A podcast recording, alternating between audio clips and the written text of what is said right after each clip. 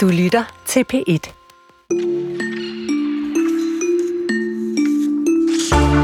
Efter en øh, time med Gullimund, der blev optaget lige før jul, så er vi tilbage dejligt og direkte her fra DR-byen. Jeg hedder Jesper Dein og har værtschansen alene i dag. Tak fordi du lytter med, og jeg håber, at du ikke er blevet alt for medtaget af juledagene og familielivet. Den næste time, der kan du møde forfatter Lærke Kløvedal, der deler sine yndlingskulturøjeblikke for året, der er gået. Jeg får også besøg af en øh, hus forbi sælger og tidligere hjemløs, der er kulturforbruger, storforbruger faktisk. Og det sidste kan du møde forfatter Leonora Christina Skov i sidste del af vores juleserie om det gode menneske. Lad os komme i gang. Velkommen til. Det er som kendt snart nytår, det vil du også høre det er radioavisen med fyrværkeri og det hele.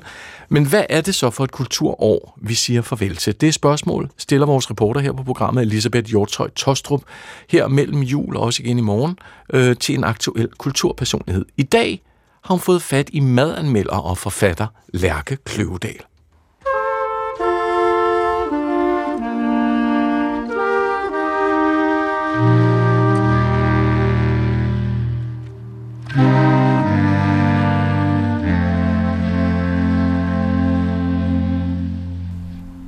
Endnu et år lakker mod inden. Og mens supermarkederne sætter julens chokoladekalendere ned til halv pris, så ligger vi bobler på køl og vender os til tanken om, at øh, vi lige om lidt skal skrive 2024. Men her i vakuumet mellem den sidste vaniljekrans og nytårskruttet indfinder sig altid en særlig refleksion. Hvordan har det forgangne år været, og hvordan må det næste kommer til at blive? Derfor sætter jeg her mellem jul og nytår aktuelle kulturpersoner stævne, som i årets løb har skabt nogle af de værker, som har sat dybe spor i mit 2023.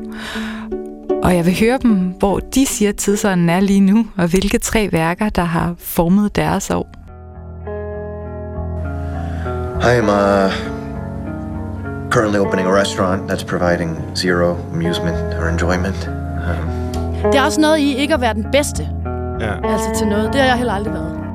Making art is just is a fun hobby. I dag skal jeg mødes med journalist og forfatter Lærke Kløvedal, som i det lune efterår udgav romanen Sømærke.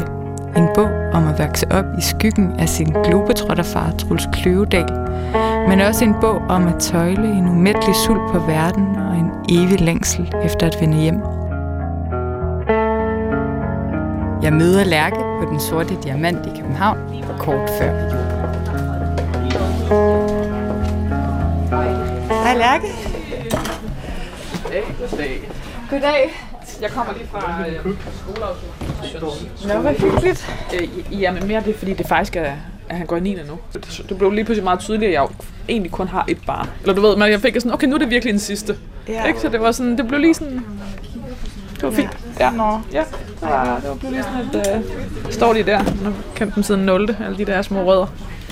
Ej ja, Det kan noget. Nå, men skal vi så sidde ved det siden kan af? være, han beskriver det i en bog om mange år. hans egen historie, ikke? Det, det vil Selvom hans mor larmer lidt, så Ja, præcis. har han retten til den. Ja, det har han i hvert fald. Hvad vil du foretrække? Jeg sætter mig over ved siden. Ja, Vi har haft en del forhandlinger på mail om, hvor vi skulle lave interviewet.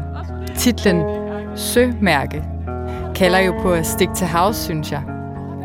Men Lærke forklarer bedst, hvorfor det er netop her, midt i København med fast grund under fødderne, vi skulle mødes. Grunden til, at vi sidder her, er fordi det er her, jeg har skrevet min bog. Sømærke. Øh, jeg, ligger også her foran den ligger her øh, præcis. Nu er den her ligesom, nu er, nu er, den, nu, nu er den her som produkt. Men ja. hele processen, kan man sige, Ja. øh, den, den har foregået her. Øh, op i den offentlige læsesal. Hvor, øh, hvor man jo sidder sådan, altså det skønne ved det er jo, at alle sidder sådan arbejder sådan lydløst, og, og øh, sådan arbejder lydløst fremad, øh, selvom man sidder med nogle helt forskellige ting, helt forskellige øh, emner. Øh, og der har jeg ligesom fundet ro til at skrive min egen fortælling. Og den udkom jo her i det lune efterår, så det er lige noget, noget tid siden Ja, det er øh, rigtigt. nu.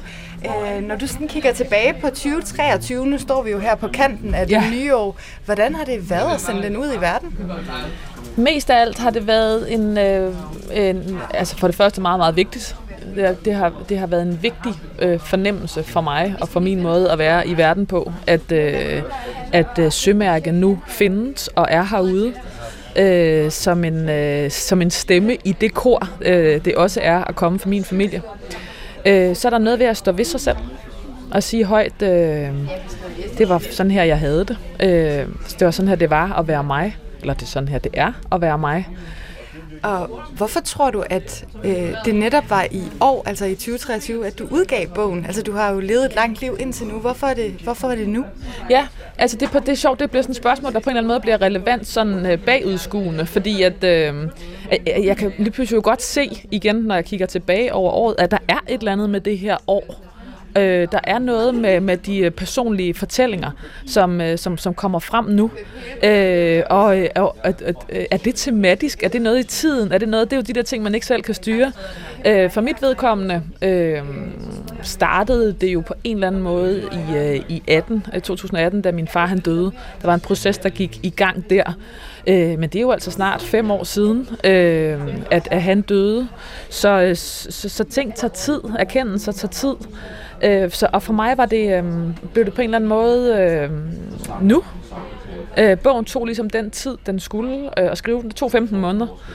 Øh, og så var resten jo på en eller anden måde bare kalenderpraktik. Øh, og så alligevel, så er det jo fornemmelsen af at være, øh, og lige pludselig, og jeg godt kan mærke, at jeg måske er, er lidt i, i øh, en del af et, øh, en, en, en tid, eller en, en, øh, ja, en, et år, hvor, hvor man har gjort netop det her. Og her mellem jul og nytår er der jo sådan en særlig sådan fornemmelse af, at man lige reflekterer lidt. Altså, hvad har vi været igennem, og hvad skal vi til øh, at gå ind i? Og hvis du sådan kigger tilbage på kulturåret, altså ikke kun din egen sømærke, men sådan kulturåret, hvad synes du har været definerende for den tidsånd, vi har været igennem i år? Jamen, jeg tror, der er noget ved det der med at kalde tingene ved rette navn. Øh, jeg har også tænkt på, at den, øh, det er fuldstændig for egen regning, om vi sådan lidt også er på ryggen af nogle øh, år med MeToo. Øh, ikke at øh, min fortælling er en øh, overgrebsfortælling, det er vigtigt at sige, men der er noget med det der med, at faktisk godt må sige højt, øh, det var faktisk sådan her, jeg oplevede det. Øh, Min stemme er vigtig. min stemme er vigtig, og også nok så væsentligt, min stemme er også vigtigt, selvom det ikke er vildt dramatisk, eller, eller den store katastrofe, at der er noget med de der sådan lidt øh, lavmælte stemmer, øh, hvor alt ikke er i caps lock og med udråbstegn og med gule bjælker, men som bare faktisk handler om, øh, hey, øh, det var faktisk sådan her, jeg havde det. Øh, og det er også væsentligt.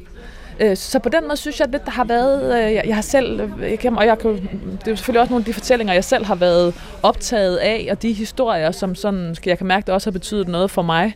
Øh, så det, det tror jeg på en eller anden måde bliver definerende i hvert fald for, for det kulturår, jeg privat har kigget ud over.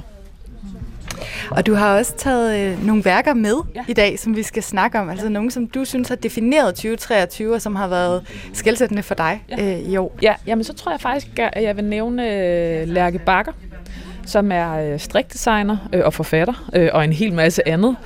Hun har udgivet den bog, der hedder Strik 2 i år, Midt i sommervarmen udgav dronningen af dansk håndarbejde, Lærke Bakker, sin anden bog, Strik 2.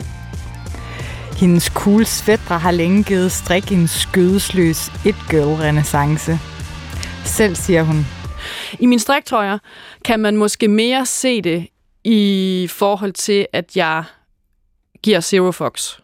Jeg strikker hver striktrøje som den aller sidste mm. trøje, jeg nogensinde eventuelt laver, fordi jeg kan falde død om i morgen.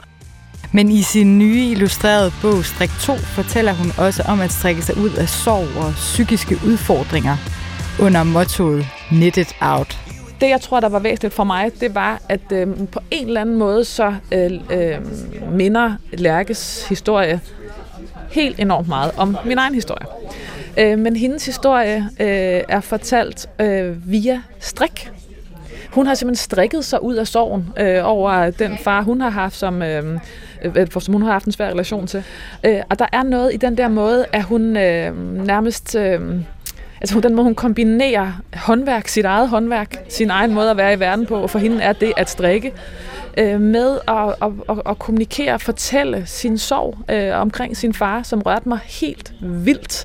Og så er der selvfølgelig også noget i genren. Jeg synes, det er så nytænkende. Det er så genialt at kombinere øh, livet med, med det, man nu engang øh, er tryg ved, er god til. For mig er det at skrive. Øh, det er det jo så heldigvis også for Lærke, men det primære for hende, det er at strikke. Øh, og, det der, og det er en helt ny måde at, øh, at fortælle sin historie på, og det har interesseret mig helt enormt. Det er også enormt sådan helt lavpraktisk brugbart det er noget, vi alle sammen kan ligesom øh, lære noget af, og også, der er også noget med at anerkende processerne.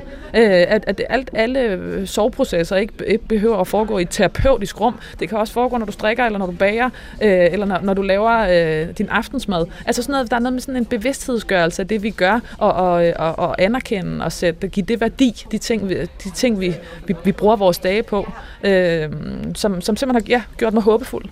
Og så har dig og Lærke jo også sorgen til fælles. Du skriver en meget smuk sætning i Sømærke, som er, at, at øh, sorg er overskud af kærlighed øh, som gjorde stort indtryk på mig. Jeg tror, det er en ven, der siger det til dig øh, i forbindelse. Ja, sorg den, sorg den kærlighed, vi ikke kan komme af med. Ja, det er sådan, det er. Ja, øh, at der er, øh, som, som på en eller anden måde også er så... Øh, altså, der, der er et eller andet i det, som, øh, som, som også giver det en sådan forståelse eller en relevans. Det gjorde det i hvert fald for mig øh, der for mange år siden, da jeg hørte sætningen for første gang. Øh, og så også fordi med udgangspunktet i, at sorgen jo er kærlig. Det er jo noget, vi savner, eller noget, vi længes efter, eller... Øh, øh, så, så den kommer også, fordi vi har elsket. Øh, og hvordan spejler du øh, din sorg i Lærkes sorg, når du læser Strik 2? Jamen altså, øh, øh, øh vi er vi kommer begge to fra, fra, fra Nordjylland, eller jeg kommer fra Nordvestjylland, hun kommer fra Aalborg. Øh, og, øh, og der er et eller andet i, vi har gået rundt deroppe sådan lidt parallelt. Jeg er, noget, jeg er, et, jeg er ældre end hende, men ikke desto mindre. Øh, og, har, og begge to har haft den der, øh, øh, den der fraværende far. Øh, Øhm, så for mig har det helt, hvad skal jeg sige, nærmest sådan lavpraktisk været virkelig vigtigt for mig at læse, øhm, hvilke grænser Lærke har sat sig, Lærke Bakker har sat sig i sin måde at tale om sin far på. Øh, min far øhm, øh, var berømt. Han, var, han er et menneske, som en stor del af Danmark har forholdt sig til, i hvert fald hele min barndom. Det er Lærkes far ikke. Øhm, det, det, har, det, var, øhm, det var enormt sådan brugbart, øh, konstruktivt for mig at opleve, hvordan hun i tale satte øh, sorgen omkring sin far, øh, og den manglende relation, som, øh, som de også havde, som jeg jo kan genkende øh, i relationen til min egen far. Så hele hendes sprog omkring det øh, har faktisk helet og hjulpet mig enormt meget, og også øh, faktisk gjort, at jeg øh, kunne finde lidt mere frem til berettigelsen i at fortælle øh, min egen fortælling om min far.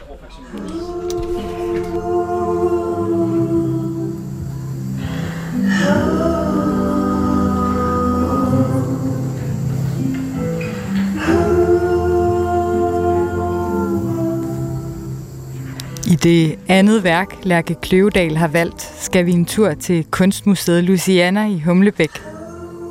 Her satte den islandske kunstner Ragnar Kjartansson den moderne mand på komedie med en stor humoristisk soloudstilling, som åbnede i juni. En musikalsk og performativ udstilling, som taler direkte ind i en tid, hvor nye og mere følsomme mandidealer er til debat. Og særligt videoinstallationen The Visitors vil Lærke gerne tale om. Det er Rainer Kjartanssons øh, udstilling på Louisiana, og det er faktisk især den, øh, den del der, øh, af udstillingen, der hedder The Visitors, som øh, er øh, ni videoinstallationer, øh, som er i samme rum, øh, og som er en, øh, et musikstykke, som bliver øh, indspillet af øh, ni forskellige øh, artister, øh, øh, musikere og sangere. Øh, og så er, altså der er op, udstillingen foregår i det samme rum op på Louisiana med de her ni skærme.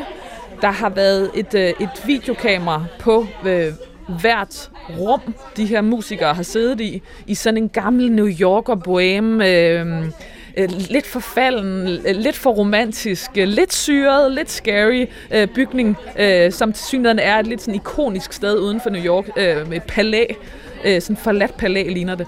Øh, og, og som øh, tilskuer, så går man rundt i den her lydinstallation, som det jo, eller video og lydinstallation, som det er. Og på den måde, så er man så øh, på nogle tidspunkter, så er man inde i øh, klaverspillerens rum, og så er man inde i øh, harpespillerens rum, og, og øh, altså både sådan, øh, hvad hedder det, symfonisk eller lydmæssigt, så er der et eller andet med den, de her de her lyde, som sådan bevæger sig samtidig med, at man bevæger sig rundt i rummet.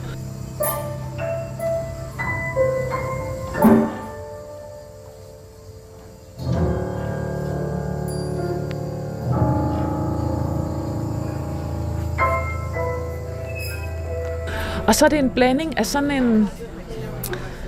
Altså det, er sådan, et, det er de der værker, man har lyst til at, at blive i. Jeg var der, altså jeg tror nærmest, jeg var der i timevis, fordi at selvom det så faktisk er det samme nummer, og også den samme øh, sætning, der bliver sunget, så bliver det lidt, bliver næsten sådan meditativt.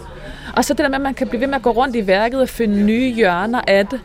Øh, det var en kæmpe stor oplevelse. Og også fordi det sådan hele tiden er lidt på kanten af at være sådan lidt corny, lidt banal, lidt for meget. Men, men, men samtidig så, er det, så kunne jeg mærke sådan en trykken i brystet, og det er jo som regel en, en god start for, øh, for, øh, for ligesom at mærke, at man er blevet rørt. Og hvad synes du, Reiner Kjartason siger om den tid, vi er i lige nu? Altså, han taler om mandeidealer. Øh, han har en, en, en, en fantastisk... Øh, øh, ja, det er nærmest sådan en, et, et komma i udstillingen, men, men sådan en, en lille særinstallation, der blev lavet til Louisiana, som hedder Bangemand, øh, hvor der var en levende skuespiller, der i alle øh, øh Louisianas øh, åbne timer gik rundt på sådan en meget smalt repo øh, i tuxedo, øh, og på en eller anden måde lignede sådan øh, den your classic James Bond. Øh, og så var han bange. Og, han, og man blev også selv bange, når man, når man kiggede derop og tænkte, åh oh, gud, man, er han ved at, at falde ud, øh, hvilket selvfølgelig var meningen. Øh, og... Øh, der er noget med den der måde at lege med, øh, med udstillingsrummet på, som jeg, som jeg sætter pris på. Det, det, det morer også mig, og jeg kan, jeg kan godt lide den gimmick, der er i det. Det kan virkelig også gå galt at være, øh, være alt for meget, men det var det ikke der. Så han har noget med, med at sådan i det hele taget punktere den der sådan klassiske sådan øh, macho-mand, øh, som har været sådan et gennemgående tema. Og, og det kan jeg godt lide ved hans værker, at man starter med at tænke noget, og så øh, altså sådan, det er som om, øh, det, det sætter krogen i med, noget, med en morsomhed, eller, eller øh, eller en æstetik, og så i virkeligheden er det følelsen af, at, at, øh, at, der, er, at, at der ligger noget andet under. Og så er jeg også lidt nysgerrig på det, du startede ud med at sige, altså at du selv følte, at din, din, du havde ret, din stemme havde ret til at være her. Ja. Øh, det er der også noget i hans værker, som ja. på en eller anden måde ikke fortæller den vildeste historie, men en vigtig historie ja, alligevel. Og en, og en måde at insistere på, formoder jeg at være den type mand, som han er. Mm. Øhm, og, eller og i hvert fald, hvis, hvis man skal sådan gøre den helt banal, at der der bør være en plads til, til, øh, til alle de mænd, der nu er. Klart. Jeg synes, vi skal gå videre til dit tredje værk, øh, som har været definerende for 2023 for dig. Det er den tv-serie, der hedder The Bear, øh, som bliver vist på Disney, øh, som er en øh, tv-serie, der foregår i restaurationsbranchen. This is coming from a place of wanting to start fresh and clean. This is going to be a destination spot. We drafted a quick term sheet. We need more money. Will you turn that thing off, please? How's that not making you insane? I don't mind it. Den 19. juli kunne danske fans af den amerikanske tv-serie The Bear igen følge med i Karmis kamp i køkkenet. I anden sæson af den anmelderroste serie er beef sandwichen skiftet ud med lammeragu og frisk pasta i et forsøg på at skabe fine dining i den genåbnede restaurant The Bear i Chicago. Gotta go hard every day. Gotta control the zone. I still, I, I love the name. You don't remember the name. Of course I remember the name. We didn't even tell anybody you the name. 100% told me the name. How could you remember the name? Ja, og til dem, der ikke øh, kender dig så godt, så er du jo også øh, madanmelder gennem mange år for politikken, og, øh, og podcastvært på det, der hedder Det Sidste Måltid, så mad er ligesom også inde under huden på dig. øh, hvorfor synes du, The Bear var værd at se? Jamen, jeg synes bare, det var den serie, øh, som, som, som... Altså, jeg kan mærke hele den fascination og kærlighed, jeg har haft til restaurationsbranchen fra en meget, meget tidlig alder. Øh, og hvor jeg altid har tænkt, der er så meget godt stof i det her, eller det tænker jeg nok mere, da jeg blev ældre, jo selv begyndte at lave film. Altså det, det er så, øh, restaurationskøkkenerne er så, øh, altså det er, der er så meget god dramaturgi i den, der er så åbenlyst gode karakterer, og det er som om, at endelig fik verden den tv-serie, som, som har manglet øh, om, omkring, hvad det er for et miljø, og hvad det er for nogle skæbner. Øh, så er der alt muligt at sige om det bærer. Jeg tror, altså, det er et helt usædvanligt godt cast. Den er, den er, der er noget med tempoet, der er noget med klipningen, og så er den ligesom alle andre gode historier, så handler den øh, Øh, umiddelbart øh, om én ting, og i det her tilfælde øh, et restaurationskøkken, en restaurant, der skal bygges op øh, fra start mod helt umulige odds selvfølgelig, men i virkeligheden er det en historie om sorg, det er en historie om øh, kærlighed, det er en historie om familie, og det er en historie om at, at ikke føle, man hører, man hører til. Og alle de ord er jo også noget, man kan sige om dit egen bog. Ikke? Altså, på den måde er der øh, hovedkarakteren, som starter den her restaurant i The Bear, jo også, øh, han har også noget med sin far. I think when I was a kid, um, anything that would give me any sort of excitement or, or, or amusement or enjoyment, uh, it always got kind of fucked. Uh, you know, I, I don't think my family meant to ruin it or anything like that. You know, I, I don't think they did it on purpose, but I, I think sometimes they just they try too hard. Øh, tror du også, det var det, der ramte dig? Ja, jeg kan godt mærke, at der er det hele tiden er en type serie, men, men med den særlige klangbund. Jeg har, jeg har nok primært ud over The Bear fundet den i den tv-sted, der hedder, der hedder Fleabag, som jeg heller ikke kan anbefale nok. Øhm, der, der er noget med, med den der sådan en grundtone af en sørgmodighed, som, øh, øh, som, som på en eller anden måde altid øh, rammer mig og, fas, og fascinerer mig, og, og, og det, øh, det er så svært. Det er så svært at lave det godt. Og det der med at lykkes med at kombinere restaurationskøkkenet øh, og, og, og den private fortælling øh, er så fuldstændig mesterligt i begge sæsoner, skal jeg skynde mig at sige. Og det er jo ikke første gang, det er forsøgt. Altså, øh, hvordan synes du, man kan se det i en 2023-produktion?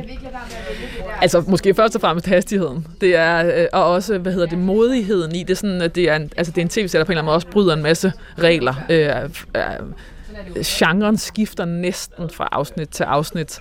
Øh, et af afsnittene er lavet som sådan et øh, fuldstændig febrilsk one-take, øh, hvor man er i øh, restaurationskøkkenet. Øh, og et andet, øh, også meget omtalt afsnit, er et sådan tilbageblik på... Øh, på øh, Carmi, øh, Carmen Basottos familie, som er den, vi følger, øh, hvor man møder dem øh, 10-20 år tidligere øh, til en julefrokost. Øh, sådan en familiejulefrokost, hvor, hvor hele den der øh, øh, øh elendige dynamik øh, øh, er så tydelig, at man faktisk næsten ikke kan holde ud og, og se den. Man bliver nødt til at pause lidt nogle gange. Der er, der er noget med sådan helt forståelsen af en karakter, og så er der også en fortælling om, at, at, øh, at, øh, at, at kuldslåede børn også tit bliver kuldslåede voksne at det, øh, at det er svært at finde sin vej i livet, hvis dit udgangspunkt har været, øh, har været omtumlet øh, og, og, og skrøbeligt. Og der er noget i den der sådan anerkendelse i det, øh, og i den sådan øh, næsten sådan øh, kausalitet, eller den ligning, som man som ser forstår, øh, som man næsten er ubærlig. Øh, fordi at der også i det, jeg glemt af, kan vi nogensinde klare det, eller kan, øh, også som ser, vi hæber jo sådan på den der familie, og, på, og måske især på Kami. Øh, øh, dramaturgisk er det virkelig, virkelig flot lavet, og så er der jo ja, den, den med, mellemmenneskelige genklang, der, der hedder, kan vi, øh, kan vi alle sammen klare det? Skal, er der håb for os? Og ja, det er der. Og øh, på den note, skulle jeg til at sige, med håb. Altså har du nogle forhåbninger? Nu står vi her over for 2024. Din bog er udkommet, din stemme er ligesom kommet ud i verden. Har du nogle forhåbninger for det næste år, som kommer, vi går ind i lige om lidt? Jeg håber, at, øh, at de personlige fortællinger, øh, også dem, der ikke udkommer, som sagt, øh, med katastrofer og caps locked, jeg håber, at de, øh, at de bliver ved med at være der. Jeg håber, der kommer mange flere af dem. Nu sidder vi her og kigger ud over vandet, og øh, vi blev enige om at mødes på landjorden. Ja. der, der var noget med, at det var rigtigt, at det var her, fordi det har været øh, udgangspunktet øh, for min bog, og faktisk også udgangspunktet for, øh, hvordan jeg måske er her på en lidt anden måde, end jeg har været her tidligere.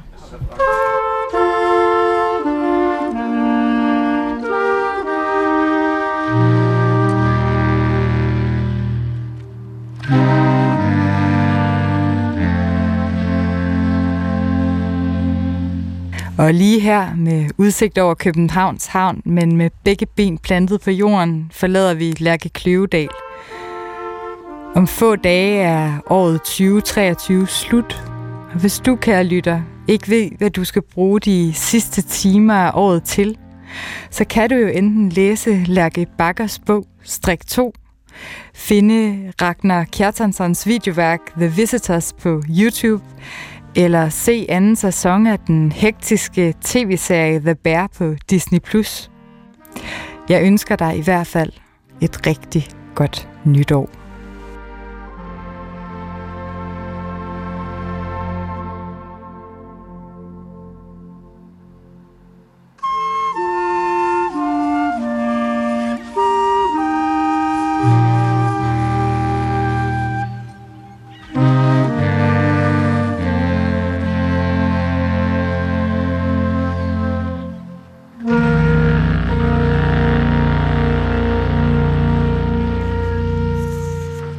Det var vores reporter Elisabeth Hjortøj Tostrup, der havde talt med madanmelder og forfatter Lærke Kløvedal, som du også kan høre, hvis du åbner for podcasten Det Sidste Måltid. Og hvis du er nysgerrig på, øhm, hvad der sådan ellers har været i kulturen i løbet af 2023, så tag åben for fjernsynet, eller se det on demand, hvis du har lyst til det.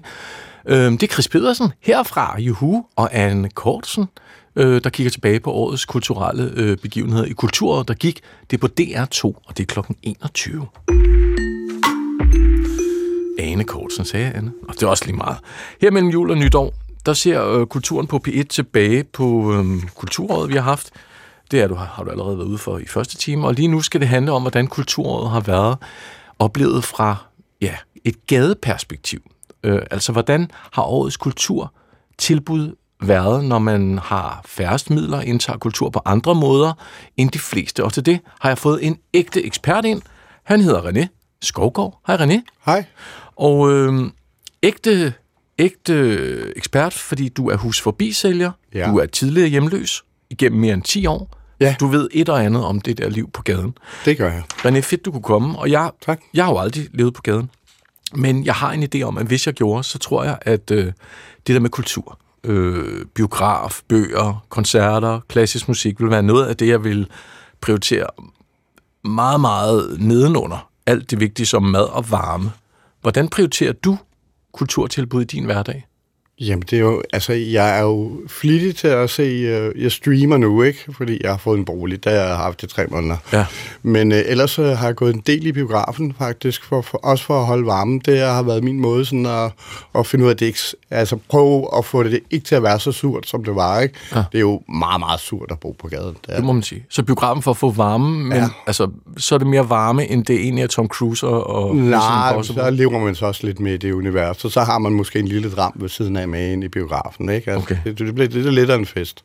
Men når man er på gaden, øhm, hvad, hvad, hvad gør man så? Hører man radio? Hvad, hvad, hvad, hvad bruger man? Jamen i dag, øh, der er jo mange øh, foreninger, og, og, og der udleverer gratis, øh, hvad hedder smartphones Ja. øh, til hjemløse, ikke? Så de er meget med på YouTube og, og, og sådan noget i dag. Øh, men det er jo i dag, og inden for de sidste par år, ikke? hvor det virkelig er gået til med, at man bruger YouTube og Facebook og alt det der. Ja, så der får man kulturen ind der. Det, Ja, ja, det gør man jo. Jamen, lad os prøve at zoome ind på dig. Du har, som du sagde, du har, du har tag over hovedet nu. Du har haft det i tre måneder. Ja. Og det er jo fedt. Øh, men øh, året har jo været lidt længere end tre måneder. Så hvad. Ja. hvad, hvad har været din største kulturoplevelse i år? Jamen, det er helt klart, jeg er blevet inviteret af Suspekt til Suspekt-koncerten. Oh. Jeg, jeg fik to billetter via Hus forbi. Okay. Øh, de, de havde udlovet det som en konkurrence, som øh, ham, der ville først, gad ikke, og det gad jeg så Ham, der ville godt. først gad ikke? Nej, så det var en kanon oplevelse for Hvordan mig. kan man ikke gide se Suspekt? Ja, det forstår jeg heller ikke. Mm. Og det var fedt. Det var rigtig Prøv at fedt. sætte et par ord på. Hvad, hvad var det fede ved det? Jamen, altså, det er jo sådan noget drengerøvsunivers, og man kan få lov til at være mand, ikke? Og, og det kan jeg meget godt lide med det, ikke? Og, og så er der jo egentlig også meget alvor i deres tekster, mm. og meget samfundskritisk, ikke? Altså, de er jo selv startet et eller andet sted og kommet op, ikke? Hvor de både har været kriminelle og alt muligt, ikke? Ja. Øh, faktisk, hvis jeg må lige nævne noget, så, så den sang, som de øh, blev begyndt at blive kendt på, det var faktisk Proletar. Ja. Og jeg har lige været inde og set DR-dokumentaren med Suspekt. Lige præcis. Og jeg så jer alle sammen, da I kom ud fra koncerten. Det var inde i parken, ikke? Jo. Hvor det gik fuldstændig galt. Folk var helt oppe. Ja, ja, det, ja. Jeg siger ikke noget. Udover øh, Suspekt, hvad har du så ellers sådan på, på tapetet som noget af det, der virkelig har været en stor kulturoplevelse? Jamen, det har nok nu været noget af det, jeg hører i radioen, blandt andet Guld i mund. Mm. Øh, øh, hvad hedder synes jeg er fantastisk øh, sangunivers, og øh, han er god til at formidle øh, tekster, særligt den der, der hedder, hedder hvad hedder det, halskæde. Ja. Ellers så er det blæst, som hvis jeg skulle danse eller sådan Ja, ja, ja. ja. et eller andet, og blive lidt godt humør. Det har virkelig, det har virkelig været noget af det, der har rykket for mig. Det er ungdomstonerne. Og Ja, så er ja. det også det digitale univers, ved jeg. Ja, Hvad er det specifikt? Jamen, det er jo ikke nogen hemmelighed. Jeg står i en Diablo 4 t-shirt eller s- tr- trøje? Ja. Og det, der skete, det er, at Diablo 4 bl- udkom her i sommers, Som er et computerspil, vi vender som tilbage til lige om lidt. computerspil, ja. Og det, det går du sindssygt meget op i. Det har jeg gjort det siden 1996, da den kom. Det var faktisk det første online rollespil, eller man kan man sige hack and slash rollespil. Ja. Altså, i, i Diablo ser man det for oven. Forhold til World of Warcraft, der er det first person. Ja. Vi vender tilbage til det der spil helt specifikt. For jeg godt tænke mig, når man, når man er hjemløs, så gætter jeg på, at sommeren, som det er for os alle sammen, øh, er kulturhøjtiden i Ja. forhold til dødssyg, ny, november, kulde og regn. Ja. Er det ikke rigtigt? Jo, der er, vi havde jo i, på et tidspunkt havde vi jo et samarbejde med Copenhagen Hell, at vi kunne komme der og samle flasker, og, og det var skide godt, men det røg op i hat og briller desværre.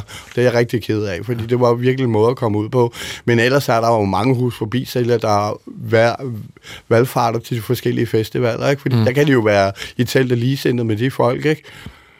René, når, når man taler hjemløse, så man også, at der er masser, der gør en forskel, heldigvis, for hjemløse, og prøver at hjælpe øh, jer, der er på gaden. Nu er du så ikke længere, men da du var på gaden og drak, og hvad du nu ellers ja. Har gjort, ikke?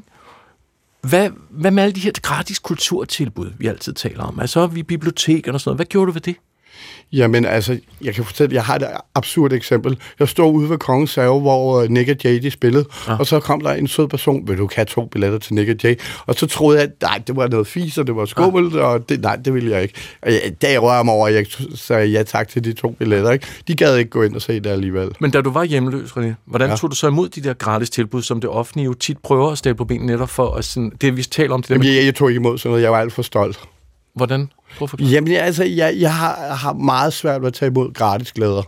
Okay. Hvad, det, Øh. hvad sker der, når folk kommer, eller når staten kommer og siger, kom ind og sid på vores bibliotek, eller der er et foredrag, ja, der er et eller andet. Hvad gør du så? Jamen, altså, så går jeg i biografen. Okay.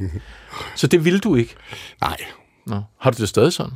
Øh, nej, men øh, altså, jeg har det bedst med det, det interesserer mig ikke. Hvis det er et interview eller et eller andet, der ikke interesserer mig, så gider jeg jo ikke at se det. Nej. Men det der med at sige nej øhm, til de her ting, altså, gælder, det, gælder det også øh, dine venner på gaden, når du møder dem, at, det, at, at kulturen står ned, og så det der med, at kulturen kan helbrede, ku- kulturen kan hele, vi Jamen, snakker det om kultur på recept. Ja, ja. Altså, hvad forskel gør det så for hjemløse, tror du? Jamen altså, det er en glæde. Altså nu, øh, nu hvad hedder Folkeklubben inviterede jo næsten hele huset ind og se deres koncert ind i, åh, hvor var det nu? De var KB-hallen. Ja. Og det var jo skide godt, og det, det skabte nemlig glæde, og, i, og det var i den kolde sugertid, hvor man lige kunne komme ind og få et afbræk ikke, med Folkeklubben. Ikke? Fantastisk. Okay. Nå, skal vi lige tage noget af det, som du har beskæftiget med? Det hører vi lidt lyd af her. Du kan næsten regne ud, hvad det er.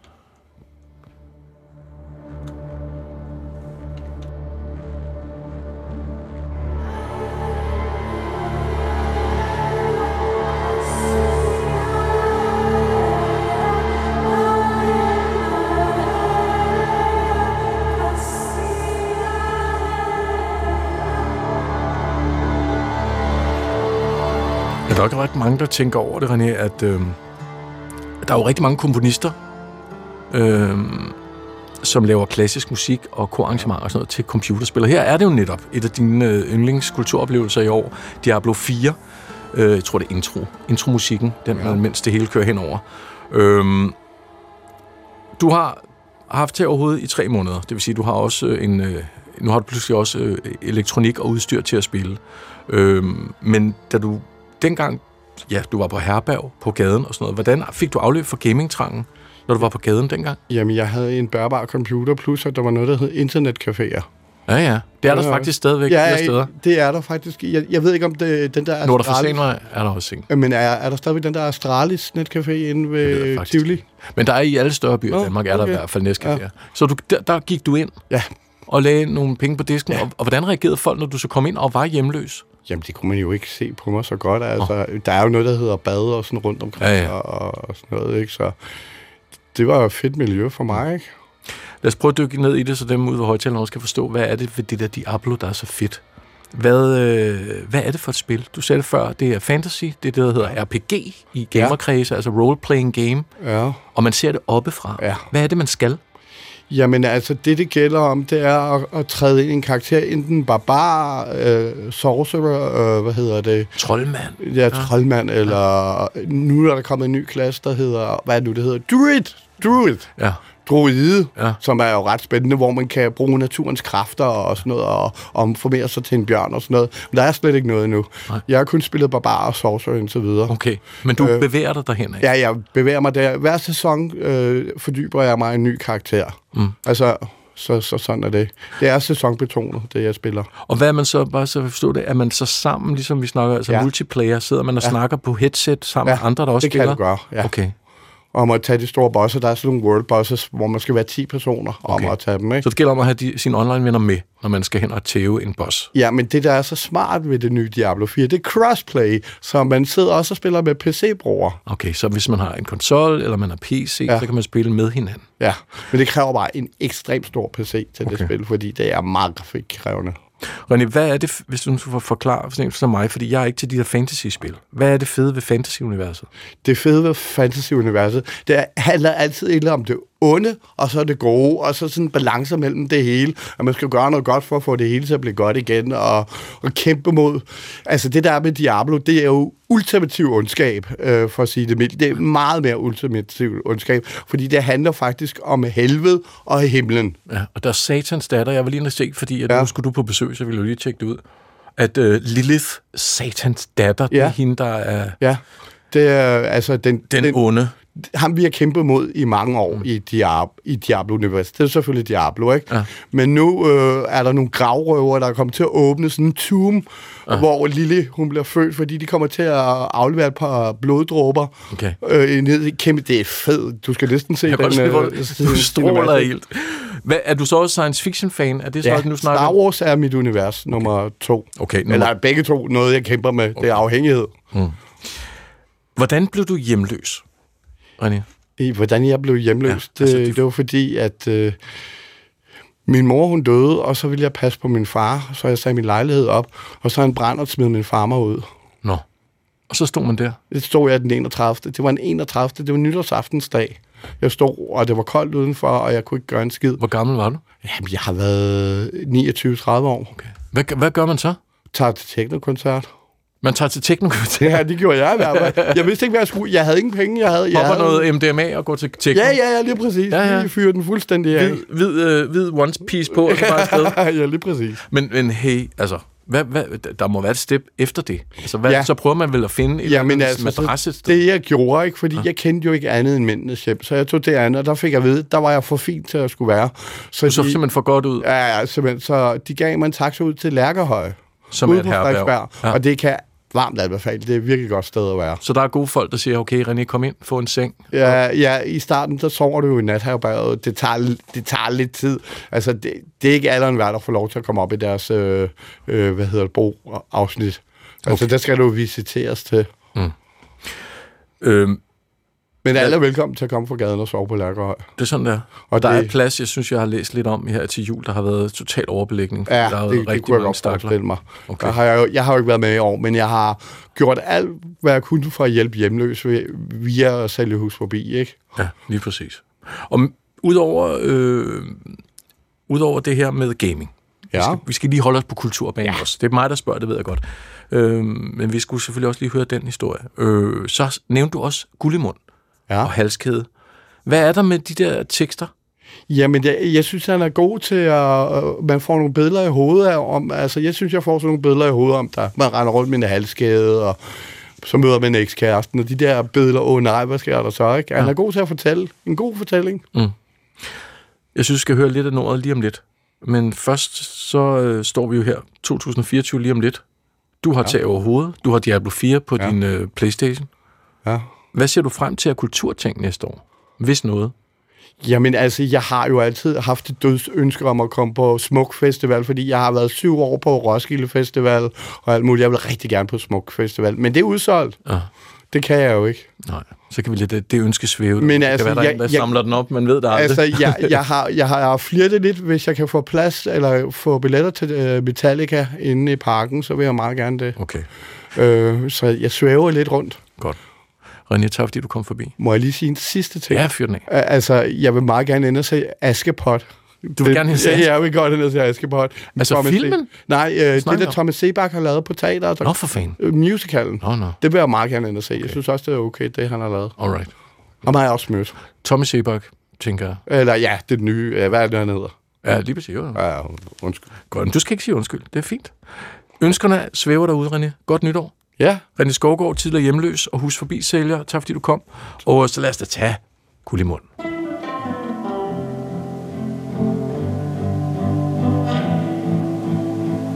Du har mødt en kvinde Det var før du mødte mig Og for to timer siden rendte I to på hinanden igen Og det har skræmt dig Hun var sammen med sin nye kæreste som også ligner dig. De holdt i hånden og hun spurgte hvordan du har det for tiden. Og nu er du lige bleg For hvad kunne lede ikke være blevet til Hvis det var hende du var gået med? Hvor længe har du tænkt dig at gå med hendes halskæde? Du siger det til mig med i dagligstolen Et godt drama her i aftensolen.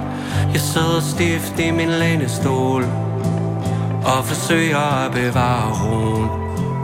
Hun var sammen med sin nye kæreste Som også ligner dig, det har du sagt.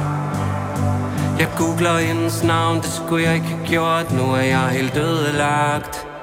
For hvad kunne lede ikke være blevet til Hvis det var hende, du var gået på?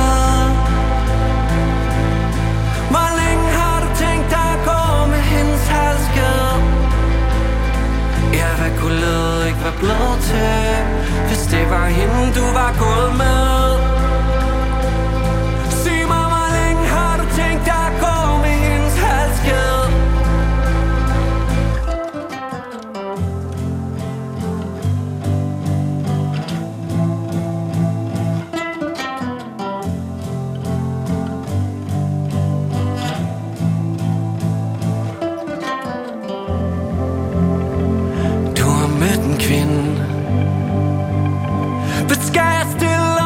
Kunne kun tilbyde den her krop den tilstrækkelig? For hvad kunne livet ikke være blevet til?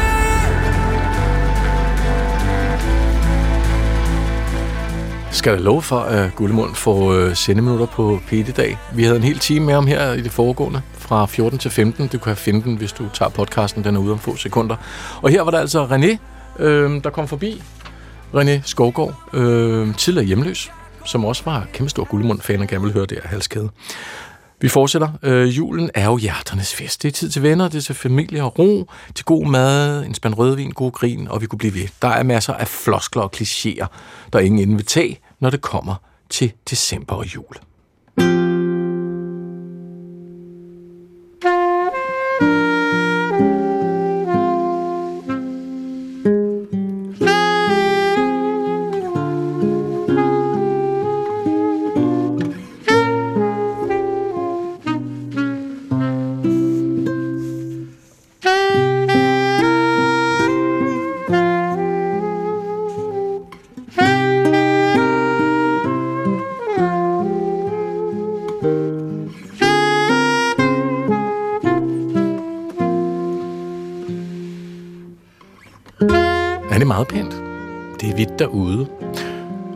Alle de der klichéer og floskler, så kommer der også et eksistentielt lag oven i hatten, hvor der er plads til lidt eftertanke, når man går der på stranden, kigger ud på blæsten og på mærskontainer, eller hvad man nu går og kigger på, og hvordan man egentlig selv er i verden og opfører sig over for sine nærmeste.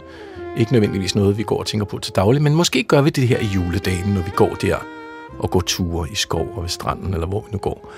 Vi har forsøgt at sætte skub i de her refleksioner, så her i Kulturen har vi hævet fat i kulturpersonligheder og kunstnere for at høre om deres tanker om, ja, det gode menneske. I dag er turen kommet til forfatter Leonora Christina Skov, som blev meget begejstret faktisk for at få spørgsmålet. Altså det du sagde, det var, at det er jo nok ikke noget, man går og overvejer til dagligt. Så tænker jeg, okay, men det har jeg faktisk overvejet i virkelig mange år. Øh, fordi jeg, jeg synes, jeg er blevet konfronteret med, fra jeg var i slutningen af 20'erne eller sådan noget, at jeg ikke ville have nogen børn. Og jeg så sikkert var et virkelig nederen menneske, som var helt vildt selvoptaget. Øh, og at der muligvis ikke var nogen grund til at overhovedet være her, når jeg ikke ville reproducere mig selv. Og så tror jeg bare, at jeg begyndte at tænke over, sådan, hvad er det så, jeg giver her? Øhm, og hvordan kan jeg så gøre det bedre at være et menneske, som også, også der er også er grund til, at jeg er her. Øhm, så det er faktisk noget, jeg har spekuleret meget over, mm. hvad jeg kan gøre. Og hvorfor så. havde det der med at ikke have nogen børn noget med dig som væren i verden at gøre? Ja, det synes jeg jo heller ikke, det har. Altså, men jeg har bare igen og igen hørt det der med, sådan, at altså, så er du vel helt vildt selvoptaget. Så er du vel, altså, så er du vel, øh, ja, så, så ved du slet ikke, at der er noget, der er større end dig selv. Øh, du ved ikke, hvad kærlighed er. Øh, altså, du, du ved ikke rigtig noget, hvis ikke du har børn. Du har ikke oplevet det største i livet. Øh, og du, øh, du, du er ikke interesseret i andre mennesker. Det er sådan været de fordomme, jeg har mødt i hvert fald. Okay. Øh, sådan i forskellig grad. Mm. Og som jeg er bange for at blive gammel og ensom, og alle mulige ting, ikke? som jo også lidt siger, så har man heller ikke ret mange i sit liv. Ingen gider en, hvis ikke man har børn, åbenbart. Øhm, så jeg har følt, at jeg skulle lægge mig i scenen. Ja, så øhm, det, er en, det er en overvejelse, der blev plantet for en del år siden. Og Ja. hvad er det så, der er on top of mind, når du bliver spurgt om, hvordan du er et godt menneske? Hvad gør du konkret for at være det? Hmm, altså, jeg vil sige, at forhistorien har været, at jeg har gået i terapi i, i 10 år. Og en af de ting, jeg opdagede der, det var, hvor utroligt dejligt det var at have et rum, hvor man kunne tale, og hvor der blev lyttet, og hvor der blev spurgt ind. Og det gik også op for mig i de år, hvor sjældent det var. Og jeg besluttede, at det var noget, jeg ville prøve at give mere af til andre, fordi jeg synes, det mangler i verden. Det mangler, der mangler et sted, hvor ingen siger til en, Nå, det kender jeg godt fra, fra mig selv, eller Nå, det minder mig om, øh, eller bare random begynder at snakke om noget andet. Der mangler et sted, hvor man fokuserer på den anden, og, og hvor der bliver spurgt ind, indtil emnet er udtømt. Øh, og jeg synes, det er ret deprimerende på en eller anden måde, at jeg tror, der er rigtig mange, der går i terapi for at få det rum, og betaler 1200 kroner i timen for det. Jeg synes, det er deprimerende, at det skal koste 1200 kroner i timen, at nogen gider at lytte. Øh, og jeg synes, at det er noget, man kan gøre ganske gratis for hinanden. Måske på skift. Hvad oplevede du selv, at den der lytning betød for dig? Det betød, at jeg lærte mine venner bedre at kende, end jeg havde gjort før. Det betød egentlig også, at jeg lærte mig selv bedre at kende, fordi når man ikke siger, det kender jeg godt fra mig selv, og, og bare lytter videre, så opdager man jo også, at det gør man måske, men på en helt anden måde, end man lige har siddet og, og tænkt, mens man, mens man var i gang med at bryde ind. Øh, der er nogle andre erkendelser, man får på den måde. Og, og jeg synes, at jeg... Mm, jeg har også lært noget om, hvad pauser betyder. Det der med, at man kan godt bare lade et emne fortsætte i, i lang tid, og sidde og tænke over det sammen. Og der kan godt være stille, og det kan faktisk være meget rart. Man behøver ikke have sådan en hoavaku i angsten for den tomme, det tomme rum. så man kan godt bare lade det være der. Og det er ikke altid, jeg kan finde ud af det overhovedet. Nogle gange er der også et eller andet i mit liv, der presser sig på, og jeg bliver nødt til at tale med nogen om det, og så kan der godt gå en time eller to med det, og så har jeg det dårligt bagefter, og tænker, shit, jeg var en dårlig ven. Jeg sad bare der snakkede og snakkede, øh, og spurgte slet ikke. Men jeg bestræber mig faktisk på, når jeg møder folk, møder mine venner, at jeg, at jeg øh, er et sted, hvor jeg kan lytte, og hvor jeg er indstillet på at give noget ordentligt til dem, jeg er sammen med. Kan vi eksemplificere det på nogen måde? Komme det nærmere? Det må godt være et tænkt eksempel, men tale en situation frem, hvor du det for kan- eksempel sidder sammen med en, en tæt ven, mm. som du har nævnt, ja. og øh, vedkommende har et privat problem. Mm. Du må gerne komme med et konkret det kan, eksempel. Det kan være et, et konkret problem. Det kan være et parforholdsproblem, som der er brug for at blive talt. Altså det skal tales igennem øh, helt ned i detaljerne. Hvad sagde du så, og hvad svarede du så? Øh, og kunne man gøre noget andet her? Øh, hvorfor, hvorfor går I fejl af hinanden i den her? Hvorfor bliver I ved med at diskutere det samme? Jeg har også gået parterapi, så det er jo ikke, fordi det er nyt for mig, det her. Øh, at man kan gå fejl af hinanden og sige nogle mærkelige ting øh, til hinanden, og ikke kan lytte til, hvad hinanden siger. Og, så det er sådan noget med at gå ind og gennemspille egentlig, hvad for nogle, hvad for nogle skænderier har der været, for eksempel. Men det kan også være, det har jeg brugt, øh, jeg er ved at skrive en bog og roman, og jeg har for eksempel en psykolog med i øh, en af rollerne. Jeg har også en veninde, der er psykolog. Det kan være rigtig svært at snakke med hende om, om arbejdet, fordi det meste jo er fortroligt. Men når man så gør det med en, en fiktiv person, øh, så kan man jo begynde at spørge ind til, hvordan er det så i det der supposition, du har med dine kolleger? Hvad snakker I om? Øh, har I konkurrencer kørende? Hvordan foregår det? Altså, du ved, man kan komme ned og, og tale om noget i lang tid, når man bliver ved med at spørge ind øh, og har et konkret emne. Uanset om det er ens private parforholdsproblemer, men også hvis det er folks arbejde. Og det lyder jo, jeg har lyst til at sige, og med al respekt, jo nærmest banalt, men det er faktisk noget, som, som du oplever. Jeg kan godt genkende det, at folk ja. har svært ved at ikke øh, spejle alting i sig selv, og også nævne det i den samtale, de måtte have med andre. Ja, altså det, er, det lyder jo enormt banalt. Altså det synes jeg også, og jeg er bare blevet opmærksom på, øh, hvor få der praktiserer det der, og hvor mange der praktiserer, det kender jeg godt fra mig selv. Det er jo fandme alle. Altså, om, og nogle gange, så bliver man jo helt trist, fordi man får en følelse af, jeg tror faktisk, folk siger det, fordi de gerne vil fortælle, at de, de kan genkende det, og de forstår det og sådan noget. Ikke? Men sådan som det virker i mange tilfælde, er, at de er ligeglade. Altså faktisk. Ikke at de genkender, men at de faktisk bare er ligeglade med en, og bare vil tale om sig selv. Og det er jo ikke sådan, man bliver klogere heller. Jeg nogle gange tænker på nogle af de venner, jeg har, som gør det der i, i meget udtalt grad, at vi går derfra, og de ved faktisk ikke engang, hvordan jeg har det, fordi vi har kun snakket om dem. Og, og det synes jeg egentlig må være mærkeligt at gå, gå, gå fra aftalen med, at man tænker, jamen, du blev jo slet ikke klogere her mm. på, på andet end, end dig selv. Var da vi du... ikke sammen, os to? Leonora Christine Skov, da du blev opmærksom i første omgang på betydningen af at lytte, faktisk ægte lytte til det, nogle andre fortæller en og venner, typisk. Mm og du begyndte ligesom at omlægge din egen måde at samtale på. Var det så noget, der faldt dig naturligt? Eller, var, eller skal det indøves, synes du? Det skal indøves. Altså, jeg, jeg husker det faktisk tilbage fra, jamen det er mange år siden. Jeg har en, den her veninde, der er psykolog, og jeg har en anden veninde, der ikke er psykolog, og så, og så mig. Vi læste psykologi sammen way back, og vi havde en læsegruppe, og vi mødtes siden. Og hende, der var psykolog, sagde på et tidspunkt til os to, der ikke var, at vi skulle vide, at vi hele tiden bød ind med, det genkender jeg godt for mig selv. Der har vi altså været måske 3-24. Og det betød faktisk, at hun ikke kom til ord. Og det skulle vi bare vide. Det var hun lidt træt af. Og det var altså mit første wake-up call. Det betød ikke, at jeg ændrede det på det tidspunkt, fordi jeg havde virkelig meget havde brug for at fortælle nogle mennesker. Jeg havde ikke nogen psykolog eller nogen, jeg kunne tale med om det. Men, øh, men det er noget, der har taget mange år. Jeg tror, det blev plantet der. Ja. Øh, og så siden blev jeg mere og mere sådan, okay, det kan jeg godt se. Og da jeg så fik en psykolog, og det øh, rum ligesom blev etableret, hvor jeg kunne tale, og jeg kunne se, hvad det betød, der var jeg sådan, okay, det her bliver jeg faktisk nødt til at gøre noget aktivt ved. Det her rum skal være mere i verden, end det er. Det kan jo være, at der er nogen, der bliver inspireret af det, du siger lige nu, eller provokeret, fordi at det at spejle noget i sig selv jo også er i en eller anden forstand en måde at vise, at man har hørt, hvad der blev sagt på. Mm. Hvad er forskellen på at lytte med sig selv i mente, og bare lytte helt koncentreret rundt om det andet menneske, der fortæller? Altså forskellen er jo helt klart, at man, at man godt kan høre, hvad den anden har sagt, uden at skulle sige, det genkender jeg godt for mig selv, og trække samtalen over til sig selv. Man kan godt lytte, og så stille uddybende spørgsmål til det, der bliver sagt, i stedet for. Øh, og det kan i mange tilfælde jo virke meget mere åbnende.